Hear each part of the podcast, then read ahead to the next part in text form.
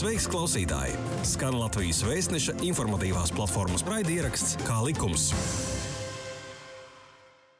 Esiet sveicināti Latvijas vēstneša informatīvās platformas raidierakstā Kā likums. Mani sauc Linda Nikona, un šodien raidījuma tēma ir 28. jūnijā izsludinātais fiziskās personas atbrīvošanas no parāda saistībām likums. Uzreiz vēlos vērst klausītāju uzmanību, ka minētais likums vēl nav stājies spēkā, proti, tas stāsies spēkā 2022. gada 1. janvārī. Bet tas mums neliedz jau tagad noskaidrot jaunā likuma mērķi un būtību, kā arī tā iecerēto, piemērošanu praksē. Fiziskās personas atbrīvošanas no parāda saistībām likuma mērķis ir eh, veicināt fiziskās personas, kurai ir vai ir bijis trūcīgā vai maznodrošinātā maisaimniecībā esošās personas status, maksātspējas atjaunošanu un finanšu pratības stiprināšanu, nosakot principus un procedūras fiziskās personas atbrīvošanai no parāda saistībām, kuras radušās no patērētāja kreditēšanas līguma, patērētāja tiesību aizsardzības, aizsardzības likuma izpratnē un kurām iestājies izpildes pienākums. Lai likumā definētais mērķis kļūtu vieglāk uztverams un noskaidrotu, kādi ir nosacījumi fizisko personu atbrīvošanai no parāda saistībām, par kādām parāda saistībām ir runa un kā parādnieks, kurš atbildīs visiem nosacījumiem, varēs iesniegt pieteikumu par atbrīvošanu no parāda saistībām, un kam šis pieteikums būs jāiesniedz. Uz sarunu esmu aicinājusi Tieslietu ministrijas nozara politikas departamenta direktori Olgu Zeili un Latvijas zvērnātu notāru padomus rīkotāju direktoru Gati Litvinu. Labdien! Labdien! Labdien. Es jau minēju fiziskās personas atbrīvošanas no parāda saistībām likuma mērķi, taču tādu, kāds tas ir ierakstīts pašā likumā. Varbūt varat saviem vārdiem pastāstīt, kāda ir šī likuma būtība, kāpēc tas ir vajadzīgs un kuras uh, ir tās sabiedrības mērķu grupas, kuras tiesiskais regulējums ietekmēs vai uh, varētu ietekmēt. Jā, varbūt es uzsākšu atbildi uz šo jautājumu. Un tiešām, lai tas būtu saprotamāk, likuma mērķi var arī par kaut kādā veidā pārveidot un pateikt tā, ka likuma mērķis ir nostiprināt finansiālo problēmu risinājumu fiziskām personām ar zemiem ienākumiem un nelielām parāda saistībām. Tā kā maksātnespējas likumā ietvertais fiziskās personas maksātnespējas process, tām nav pieejams gan sociālā, gan ekonomiskā stāvokļa dēļ, taču parāda saistību izpilde ir tik un tā, nav iespējama, kas rada slogu gan pašai fiziskai personai, gan tās kreditoriem. Un, lai risinātu šādas situācijas, likumdevējs ir arī izšķiries par tādas procedūras izveidošanu tieši fiziskām personām ar noteiktu sociālo un ekonomisko statusu, lai varētu atrisināt problēmas. Un tās saistības, no kurām parādnieks varētu tikt atbrīvot šīs procedūras izpratnē, ir arī nodefinētas likumā, un tās ir patērētāju kreditēšanas saistības, kas ir radušās tieši tādu kreditēšanas līgumu izpratnē, kas ir minēti patērētāju tiesību aizsardzības likumā. Proti, tas parāda saistības, kurām jau ir iestājies izpildes pienākums, to kopējais apmērs ir rāmjos no 500 līdz 5000 eiro, jeb robežās no vienas minimālās mēneša darba algas līdz 5000 eiro un tās ir tās saistības, kas ir radušās no patērētāja kreditēšanas līguma, patērētāja tiesību aizsardzības likuma izpratnē, kas noslēgts ar tādu kredīta devēju, kas ir tiesīgs sniegt patērētājiem kreditēšanas pakalpojumus Latvijas Republikā. Jā, par kādām parāda saistībām mēs runājam? Varbūt varat minēt kādus piemērus.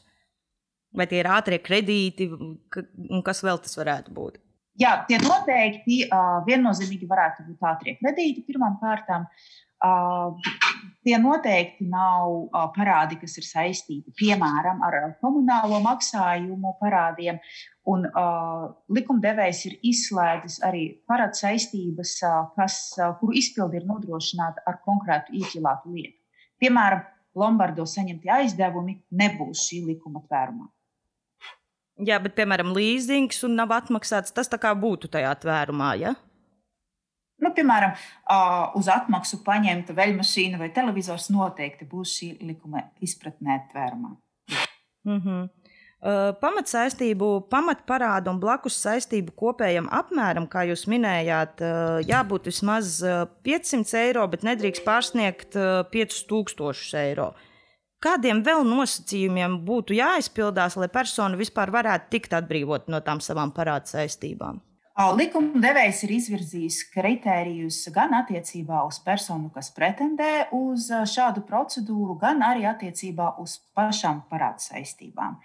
Ja mēs runājam par to, kādiem kritērijiem ir jāatbilst personai, kura vēlas pretendēt uz šādu atbrīvošanu no parādu saistībām, tad tās ir likumā uzskaitītas un varētu runāt par personas piesaisti Latvijas republikai, proti persona ir nodokļu maksātājs Latvijas republikā un ir bijusi tāda pēdējos 12 mēnešus, vai pēdējo 12 mēnešu laikā tā ir saņēmusi sociālos maksājumus no Latvijas valsts vai pašvaldības budžeta līdzekļiem. Un tādi maksājumi, piemēram, varētu būt pensija, pabalsti, atlīdzības saistībā ar nelaimes gadījumiem darba vietā un tā tālāk.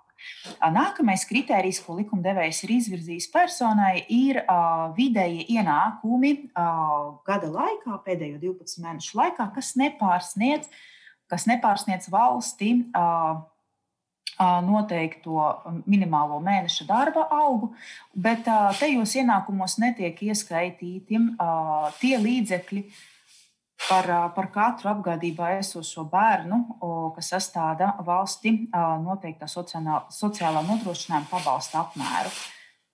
Tāpat tās kā viens no kritērijiem ir tāds, ka personai nav nodrošināto kreditoru, personai nav mantas ārpus Latvijas Republikas teritorijas, kā arī uh, kritērijs par to, ka personai ir jābūt uh, noteiktam statusam uh, pēdējo 12 mēnešu laikā.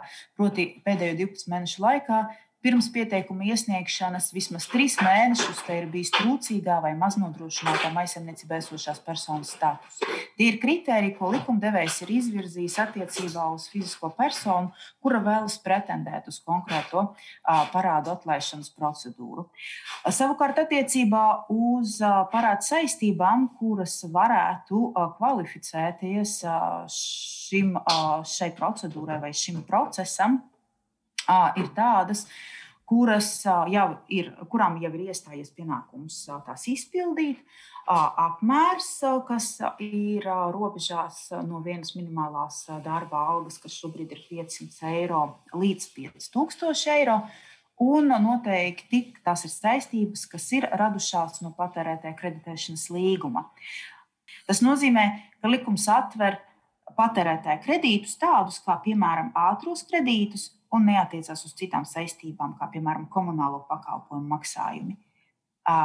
Taču ir arī trīs nosacījumi attiecībā uz parādu saistībām, un likumdevējs ir norādījis saistības, no kurām parādnieks nevar tikt atbrīvots. Proti, tas ir radušās pēdējo trīs mēnešu laikā pirms pieteikuma iesniegšanas. To nodrošināšanai ir nodota kāda lieta, un parādnieka atbildība ir ierobežota tikai ar ieķilāto mantu, proti, tas varētu būt Lombardo saņemtie aizdevumi. Un uh, parāda saistības sekšanai parādnieks ir novirzījis mazāk nekā 20% no sākotnējā apmēra. Jūs minējāt, ka fiziskajai personai nav mantas ārpus Latvijas. Bet, ja viņai ir manta Latvijā, tas nozīmē, ka šajā uh, procesā uz šo mantu piedziņa netiks vērsta. Piemēram, vienīgais dzīvoklis, vienīgā mašīna un tam līdzīgi. Um, jā, uh, atšķirībā no fiziskās personas maksātnespējas procesa, šīs procedūras ietvaros fiziskas personas manta netiek atsevināta.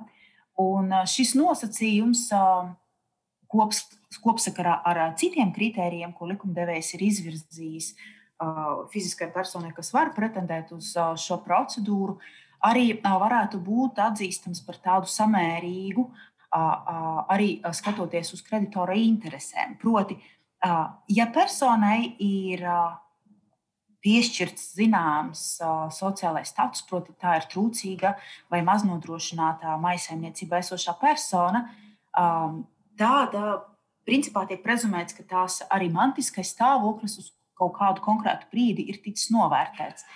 Un, uh, tā piesaista Latvijas republikai arī ļoti izšķiroša, lai nodrošinātu to, ka persona ar visu savu mantu un ar visām savām saistībām atrodas Latvijas republikā. Un, kā jūs arī noteikti ziniet, pielikumā ir arī pieteikuma veidlapa, kurā ir jānorāda arī, piemēram, iespējamās visas parādu piedziņas procedūras, kas ir uzsāktas, līdz ar to nodrošināto kreditoru neesamība un, attiecīgi, visas izsmeļošas informācijas sniegšana par esošajām parādsaistībām varētu arī būt tas kritērijs, kas, kas šajā gadījumā ir izšķirošs. Līdz ar to atbildi ir jā, personas manta šīs procedūras ietvaros netiek atsevināta. Uh mhm. -huh. Varbūt uh, ir zināma arī statistika, cik Latvijā ir trūcīgo maz, un maznodrošināto statusu iegūšās personas. Jā, noteikti. Uh, Labklājības ministrijas uh, dati liecina, ka pērn trūcīgās maisaimniecības status uh, bija piešķirts 37,464 personām, savukārt maznodrošinātā maisaimniecībā esošās personas status 43,770 personām. Mm -hmm. Līdz ar to tas skaits ir pietiekoši ievērojams. Jā. Mm -hmm. Um, vai izskatot pieteikumu, tiks vērtēts arī, piemēram, personas godprātīgums?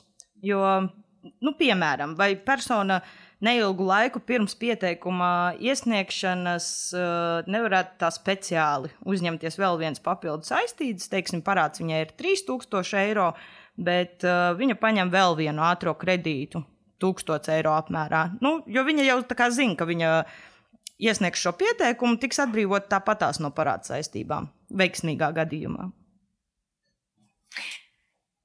Jā, šis ir labs jautājums.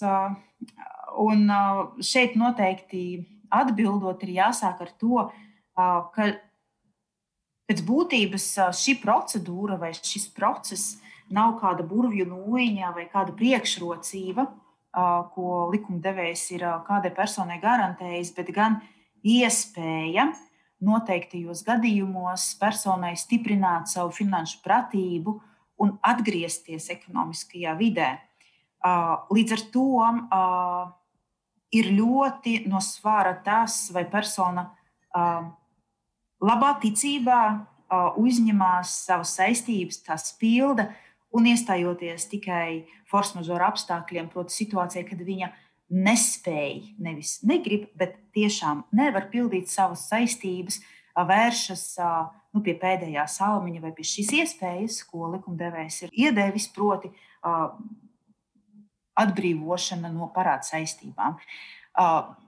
Līdz ar to pamatprincipu, ka saistības jāpilda, likumdevējs nav atcēlis, bet ir definēti arī principi, kas tiek ievēroti procesa laikā. Un viens no principiem ir tieši tas labticīguma princips, ka personas labā ticībā pilda savus pienākumus.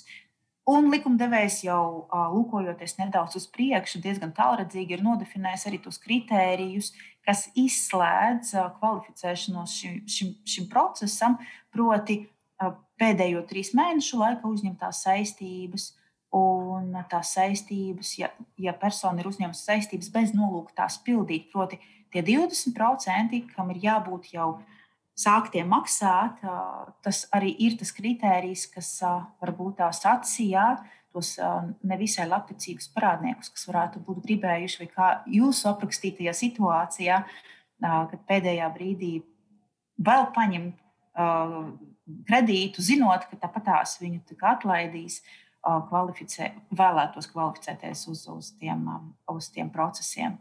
Bet es domāju, ka noteikti Gatim te būtu vēl vairāk ko piebilst. Jā, es varbūt papildināšu, tad uh, likumdevējs ir skaidri nodefinējis šo tiesisko vērtību. Proti, parādniekam ir jābūt uh, labticīgam, savos nolūkos, un arī likumdevējs ir iekļāvis normu, kur skaidri pasaka par to, ka no parāda saistībām nav piem, šīs atbrīvošana no parāda saistībām nav piemērojama personai, kura negodprātīgi izmanto šajā likumā noteiktās tiesības. Līdz ar to zvērnāts notārs būs viens no filtriem, un, ja zvērnāts notārs redzēs, ka apstākļu kopums ir tāds, kas ir ko parādnieks kuru parādnieku mērķis ir negodprātīgi pildīt šīs savas saistības un šo likumu izmantot, lai izvairītos, eh, tad zvērnāts notārs eh, atteiktu šo atbrīvošanu. Un visbeidzot, likumā ir arī dota kreditora tiesība pēc tam, kad varbūt notārs neredzēja to pilno ainu un tika pieņemts lēmums par atbrīvošanu no parāda saistībām, tad kreditoram ir arī tiesības vērsties tiesā un norādīt jau uz šiem apstākļiem, kas liecina par to, ka parādnieks ir bijis negodprātīgs. Un tiesa tad varēs arī lemt par to, ka viņai atceļ šo atbrīvošanu. Līdz ar to likumdevējs jau ir pietiekami uzlicis vairākus filtrus, kas ļaus izšķirt tos gadījumus, kuros varbūt parādnieks nav bijis pietiekami godprātīgs. Šī bija iknedēļas pusstunda kopā ar oficiālā izdevēja Latvijas vēstneses informatīvās platformas raidierakstu Kā likums. Pastāsti citiem, ja bija noderīgi un interesanti. Kā likums, tiekamies ik trešdienu. Uh, sarunas uh, otrajā daļā es gribētu vairāk parunāt par uh, praktisko kārtību. Kādā parādnieks, ja atbildīs visiem nosacījumiem, uh, varēs uh, iesniegt pieteikumu un tikt atbrīvots no savām parādsaistībām. Uh, piemēram, vai parādniekam pašam būs jāizvērtē, atbilst vai neatbilst viņš visiem nosacījumiem, nu, tā kā pašā sākumā. Respektīvi, vai viņam tas pieteikums ir jāizpilda patstāvīgi, vai tomēr viņš var vērsties pēc palīdzības pie notāra. Manuprāt, labā praksa būtu tāda, ka parādnieks pats to visu izvērtētu rūpīgi. Vispirms būtu iepazinies ar likumu prasībām, Otrkārt, jau pats šo veidlapu, kas ir eh, uztaisīta tā, ka to var diezgan vienkārši aizpildīt, eh, tur nav nekā sarežģīta. Ņemt arī aizpildīt. Piemēram, tur arī ir lauks par to, kādēļ parādnieks nevar izpildīt saistības. Līdz ar to šī informācija var būt tikai tāda, ko pats parādnieks var sniegt, un viņš vienīgais to zina, kādēļ viņam dzīvē izveidojušies apstākļi, kādēļ viņš šīs konkrētās norādītās parāda saistības nevar pildīt. Līdz ar to vispirms pašam parādniekam ir jāapsēžās pie likuma un jāapskatās šī veidlapa un jācenšas viņu aizpildīt. Un atbildēt arī uz to pamatu jautājumu, kādēļ viņš nevar šīs saistības uh, izpildīt. Protams, viņš var arī vērsties pie zvērināta notāra, lūgt šo palīdzību, lai šo pieteikumu aizpildītu. Tā ir viņa tiesība, un zvērināts notārs noteikti viņam šo palīdzību nelieks. Visbeidzot, protams, parādnieks var vērsties arī pēc palīdzības pie kāda no citas eh, personas, to arī likums neliedz. Varbūt varat atgādināt vēlreiz, eh, kur pieteikuma forma bija jāmeklē. Vai pašā likumā, kā es pareizi sapratu, pirmais pielikums? Ja? Jā, likumā pirmais pielikums, līdz ar to, to var ļoti viegli atrast likums.lv. Nu, tas ir viens, tā ir viena iespēja. Un, uh, tas, kas noteikti ir plānots un līdz gada beigām tiks izveidots Tieslietu ministrijas mājaslapā, tiks izveidota atsevišķa sādaļa, kas sauksies fizisko personu atbrīvošanas no parāda saistībām. Uh, likums vai fizisko personu atbrīvošana no parāda saistībām, kur arī mēs plānojam arī gan pieteikumu veidlapu, ievietot, gan arī pēc iespējas skaidrot, kas ir domāts ar katru no laukiem, kas tur būtu norādāms, kāda papildus informācija vai kāda pielikuma būtu pievienojama. To visu informāciju varēs ar laiku atrast arī Tieslietu ministrijas mājaslapā. Droši vien arī Zvaigznāta notāra padomus mājaslapā arī tiks izveidot ļoti līdzīgi. Vai es pareizi saprotu? Ka notāriem tā būs tāda lielākā loma fiziskās personas atbrīvošanā no parāda saistībām, jo šis uh, aizpildītais pieteikums pēc tam ir jāiesniedz uh, notāriem. Jā, zvērnāts notārs ir tā kompetentā valsts institūcija, kura uh, saņems parādnieku pieteikumu, izvērtēs tā atbilstība likuma prasībām, un arī zvērnāts notārs ir tas tiešām centrālais starpnieks starp parādnieku un arī kreditoriem. Un varbūt varat arī minēt, kādi dokumenti ir nepieciešami dodoties jau pie zvērnāta notāra ar šo aizpildīto pieteikumu. Likums nosaka to, ka šim pieteikumam šai veidlapai aizpildītai pievieno visus dokumentus, kuri pamato tajā norādītos apstākļus. Un, piemēram, dokumentus par Latvijas bankas vai kredītinformācijas biroja izsniegtajiem šiem uh, izziņām, kuras parāda to, ka tādas parāda saistības ir un kādas ir šīs summas. Līdz ar to jā, pieteikumam ir pievienojami šīs uh, dokumenti, kuri apliecina tos faktus, uh, kas šajā veidlapā ir norādīts. Nu, piemēram, arī tas, tas, tas pats pašvaldības lēmums par maznodrošinātā vai trūcīgā statusa noteikšanu. Tā kā, nu jā. Uh -huh. um, notārs būs tas arī, kurš uzraudzīs gan parādnieka, gan kreditoru tiesības, lai tā kā netiktu apbižots neviens. Jā, nu, zvērnātam no likuma jau izriet, ka zvērnātam notāram jābūt neitrālam un objektīvam šim Uh, visu iesaistīto interesu aizstāvim. Līdz ar to uh, zvērnāts notārs, kā tāds objektīvs vidutājs starp abiem diviem, uh, uzraudzīs to, lai tiktu ievērots likumā noteiktās prasības gan no parādnieka puses, gan arī no kreditora puses. Un zvērnāts notārs būs arī tas, kurš pieņems šo lēmumu parādnieku atbrīvot vai tomēr atteikt atbrīvošanu vai visbeidzot aicināt kreditoru vērsties tiesā un izšķirt strīdu, piemēram, starp parādnieku un kreditoru, ja būs tieši par pašām parāda saistībām, pašām tiesībām. Nu, līdz ar to zvērnāts notārs uzraudzīs procesu. Fiziskās personas atbrīvošanu no parāda saistībām katra fiziskā persona varēs izmantot tikai vienu reizi. Tāpēc parādnieks 14 dienu laikā pieteikumu varēs atsaukt. Tā ir minēts likumā. Varbūt jūs varētu izskaidrot, ko tas nozīmē. Jā, likumā ir noteikta šāda parādnieka tiesība. Tā nav aprobežota ar kaut kādiem nosacījumiem. Līdz ar to eh, parādnieks varēs ļoti brīvi eh, pieņemt šo lēmumu, eh, tomēr atsaukt šo pieteikumu.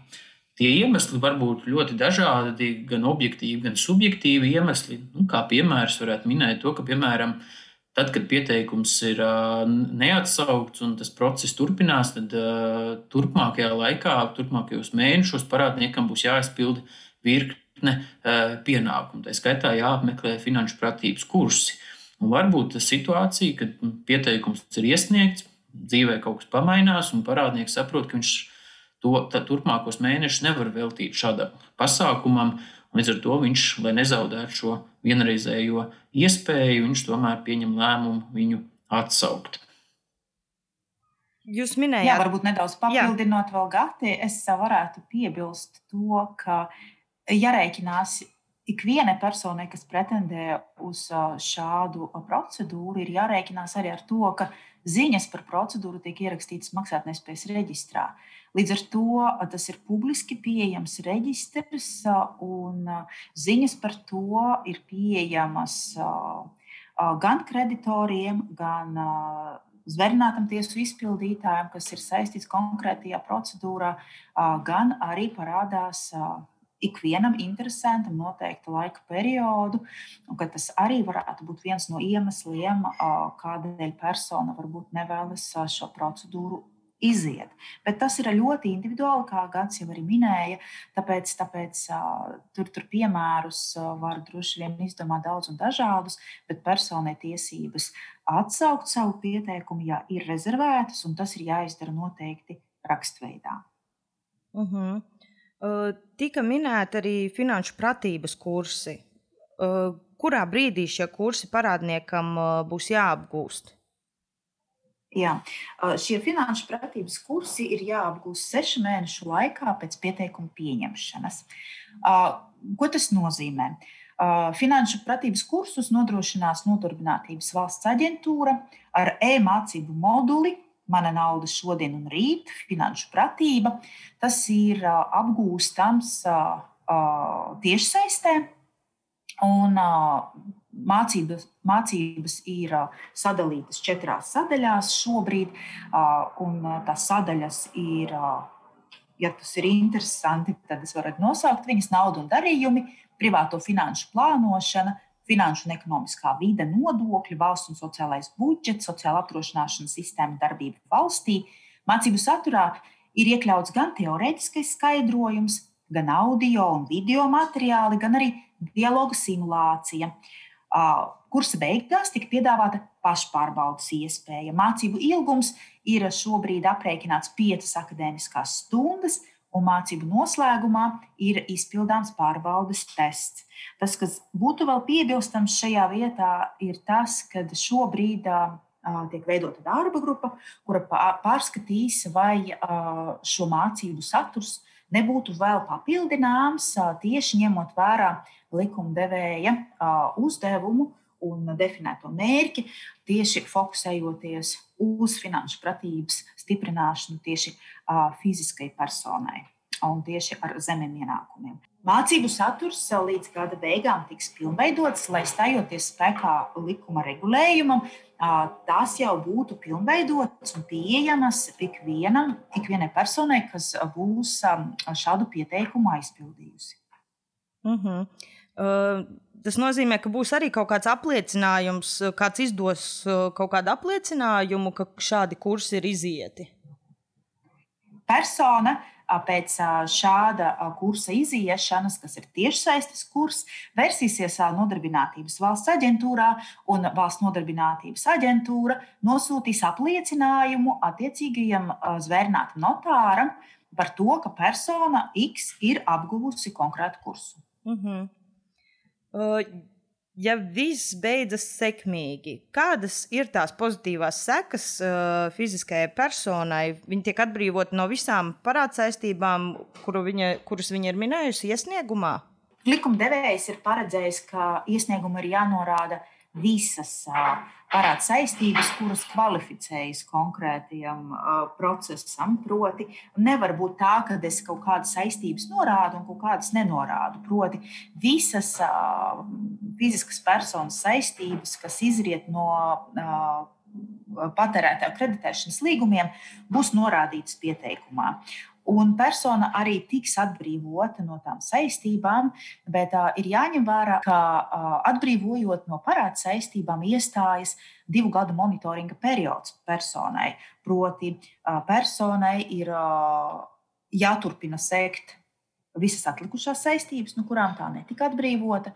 Tai noteikti triju mēnešu laikā ir jāapmeklē uz sākotnējo konsultāciju sociālais dienests, lai sociālajā dienesta darbinieki varētu konstatēt, vai konkrētā persona ir sociālā dienesta klients un tai ir nepieciešams piedāvāt un nodrošināt zināmu sociālo pakalpojumu paketi. Personai, ja tā nav nodarbināta vai tai nav ienākuma avots, viņai vajadzētu iesaistīties un aktīvi meklēt darbu, proti, tai nekavējoties jau sāk darba tiesiskās vai līdzvērtīgās attiecības, jau sāk saimnieciska darbība vai jāreģistrējas nodarbinātības valsts aģentūrā kā bezdarbniekam, proti, aktīvi jāiesaistās procesā. Un ir ierobežojums pašam parādniekam un jebkuram kredīta devējam ar attiecīgo fizisko personu nodibināt no patērētāja kreditēšanas līguma izrietošās saistības. Proti, divu gadu periodā personai ir arī pienākums darbos, dzīvē pierādīt to, ka viņa spēj arī tikt galā ar, ar, ar savām, ar savām saistībām, ar to, kā, ar to finanšu pratību, kā viņi liek lietā, pierādīt, ka tas darbojas sekmīgi. Un ļoti svarīgi atzīmēt arī to, ka šo divu gadu monitoringa periodā ir iespējams atcelt fiziskās personas atbrīvošanu no parāda saistībām. Mm -hmm. Un, uh, tas ir iespējams gadījumā, ja parādnieks pārkāp noteiktos pienākumus un ierobežojumus, uh, vai arī tiek konstatēts, ka parādnieks pieteikumā ir sniedzis nepatiesās ziņas, kuru dēļ viņš ir nepamatoti atbrīvots no parāda saistībām. Līdz ar to šie divi gadi vēl ir tāds nu, tā pārbaudas laiks, varbūt personai tieši, tieši veltīts tam, lai darbos parādītu un apliecinātu spēju tikt ar sevi galā, ja tā varētu vienkārši teikt. Jā. Uh mhm. Un noslēgumā, ar kādām izmaksām fiziskajai personai ir jārēķinās, ja viņi vēlēsies tikt atbrīvot no parāda saistībām? Zvērnāt notāra amata atlīdzību par pieteikumu apliecināšanu, par zvērnāt notāra komunikāciju ar ieinteresētām personām un arī ar kompetentām iestādēm, visbeidzot arī par akta, par atbrīvošanu vai tieši otrādi par atteikšanos atbrīvot, kā arī par pieteikumu iesniegšanu tiesai. Šobrīd ir paredzēts, ka zvērnāt notāra amata atlīdzība būs 100 eiro. Papildus, ja parādnieks vai kreditors vēlēsies saņemt zvērnāt notāru cita veida palīdzību, nu, tad tur būs jā, jārēķinās ar tām vispārējām amata atlīdzības taksēm, kas jau šobrīd ir noteiktas. Tā kā, jā. Mm -hmm. Saku jums lielu paldies par sarunu. Savukārt klausītājiem atgādinu, ka šodien kopā ar jums raidierakstā kā likums biju es, Linda Nikona, kā arī Tieslietu ministrijas nozaru politikas departamenta direktore Olga Zēle un Latvijas zvērnāta notāra padomas rīkotāja direktors Gatis Litvins. Šī bija iknedēļas pusstunda kopā ar oficiālā izdevēja Latvijas vēstneses informatīvās platformas raidierakstu Kā likums. Pastāsti citiem, ja bija noderīgi un interesanti. Kā likums, tiekamies ik trešdienu!